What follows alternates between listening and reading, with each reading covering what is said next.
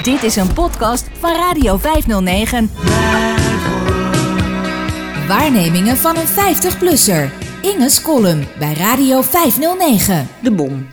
In mijn jeugd was het een vertrouwde aanwezigheid op de achtergrond. De bom. Niet dat we er als kinderen dagelijks over hadden, maar de stickers met stop de neutronenbom zag je overal.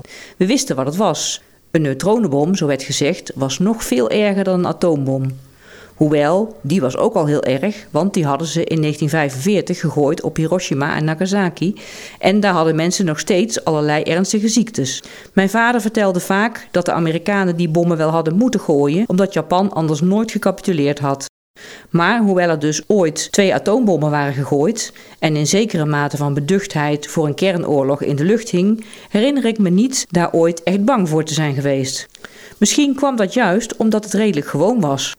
Ik had zelf geen echte oorlog meegemaakt, zoals de grote mensen die ik kende en die daar nog altijd veel over praten. Dat laatste verbaasde me wel, omdat voor mijn begrip de oorlog heel erg lang geleden had plaatsgevonden. Zelf kende ik alleen die Koude Oorlog. Je had de muur in Berlijn en het ijzeren gordijn. Die waren er wat mij betreft altijd geweest en ik ging er dan ook vanuit dat die rare opdeling van Europa in NAVO en Warschau-pact een onveranderlijke realiteit was. Ik hoorde wel eens over topconferenties en gesprekken tussen Amerikanen en Russen. Vooral de term Camp David-akkoord wist om een of andere reden mijn kinderwereld binnen te dringen. Het was duidelijk dat de Amerikanen goed waren en aan onze kant stonden. Dat was omdat ze ons hadden bevrijd. Dat diende niet vergeten te worden, zo werd mij verteld. De Russen kende ik niet zo goed, maar hoewel ze een bedreiging werden genoemd, bleek uit alles dat ze toch nooit zo slim, inventief en modern waren als de Amerikanen. Dus dat zat wel goed. Op Henricus hadden we onder elk paviljoen twee BB-kelders. Ik wist dat BB bescherming bevolking betekende. En ik vond het spannend dat bij die kelders wc's en douches waren die niet door ons gebruikt mochten worden, omdat ze speciaal bedoeld waren voor het geval we in die BB-kelder moesten schuilen als de Russen kwamen.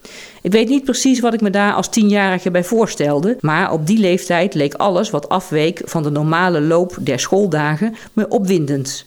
Ik had best een paar dagen in die kelder willen doorbrengen. Vooralsnog werden er alleen discofeestjes gegeven in die kelder, met gekleurde lampen en glitterbollen. We dansten op Boney M en Blondie en dronken Sinas, cola en 7-up.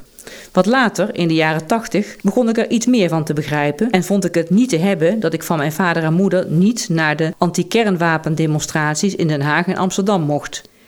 Ik herinner het me als mijn eerste zelfstandige daad van politiek verzet en rebellie tegen het ouderlijk gezag toen ik als enige van ons gezin het volkspetitionement tegen de plaatsing van kruisraketten in Nederland tekende. Bij ons thuis was de slogan liever een kruisraket in de tuin dan een Rus in de keuken nogal populair. Mijn vader maakte veel te vaak naar mijn zin het grapje: geen nieuwe kernwapens in Nederland, eerst de oude opmaken. Ik voelde dat dat niet deugde, maar ik had als puber nog te weinig kennis en overzicht tot mijn beschikking om hier tegen te argumenteren. Bovendien was mijn vader toen nog een voor mij verbaal onverslaanbare tegenstander. Dat zou nog veranderen. Toen Gorbachev kwam met zijn perestrojka en glasnost, de muur in Berlijn viel en het ene naar het andere communistische regime in Oost-Europa verrassend gemakkelijk omviel, was ik student journalistiek en later geschiedenis en keek ik euforisch toe naar de fantastische omwentelingen van historische allure die ik mee mocht maken. Tijdens een collegereeks over Duitsland in de 20e eeuw werd diezelfde eeuw voor mijn ogen afgesloten en voorgoed op slot gedraaid. Francis Fukuyama riep het einde van de geschiedenis uit toen ik net colleges polymologie volgde. En dat was dat. En nu, 30 jaar later, is de oorlogdreiging terug en een stuk reëler en angstaanjagender dan in de jaren 80. Toen zaten er stoffige bejaarde mannen in het Kremlin die niemand hier echt kende, maar die te suf leken om op de beruchte rode knop te drukken. Wij waren ons in het Westen zeer bewust van de balance of power en de Russen waren dat zeker ook. Maar nu is er geen balans, geen zekerheid, geen rationaliteit. Poetin lijkt tot alles in staat en luistert naar niemand. Hij lijkt, helaas achteraf gezien, deze oorlog zorgvuldig binnenlands te hebben voorbereid door de systematische uitschakeling van elke politieke tegenstand en het schaamteloos monddood maken van de journalistiek. Het lijkt er sterk op dat de overmeestering van Oekraïne minder voorspoedig loopt dan waar in Moskou op was gerekend. Dat is slecht nieuws voor ons allemaal, want een getergde dictator die zijn gezicht dreigt te verliezen kan heel rare dingen doen. Daarmee wordt een kernraket op West-Europa bizar genoeg opeens voorstelbaar. Vorige week las ik in de Volkskrant wat zo'n raket zoal kan aanrichten. Het allang vergeten begrip nucleaire winter deed me huiveren en ik was het volkomen eens met een collega die hoopte dat Utrecht het eerste doelwit zou zijn. Zoiets wil je niet overleven. Op de radio hoorde ik iemand pleiten voor een overheidscampagne om ons voor te bereiden op een kernaanval. Wij Nederlanders waren, veel meer dan andere volken, erg laks als het ging om de voorbereiding op rampen, zo werd betoogd.